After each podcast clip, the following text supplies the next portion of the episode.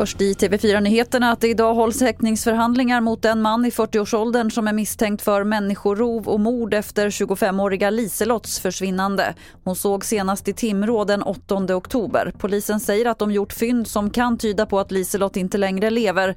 Den misstänkte mannen nekar till brott. Nya bilder visar nu de söndersprängda Nord Stream-ledningarna i Östersjön. Expressen har varit på plats och filmat med undervattenskamera och minst 50 meter av röret verkar saknas efter explosionen. Erik Wiman, reporter på Expressen. Vi ser ju tydliga tecken av den eh, explosion som har ägt rum på botten där.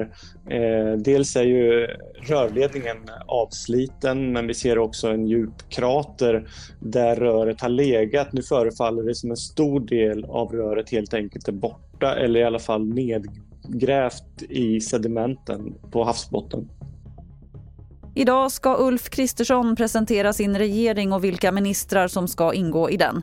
Ett namn som bubblar till utrikesministerposten är Carl Bildt och KDs Ebba Busch kan bli närings eller energiminister. Klockan halv tio drar regeringsförklaringen igång och följs sen av konselj på slottet. Fler nyheter hittar du på tv4.se. Jag heter Lotta Wall.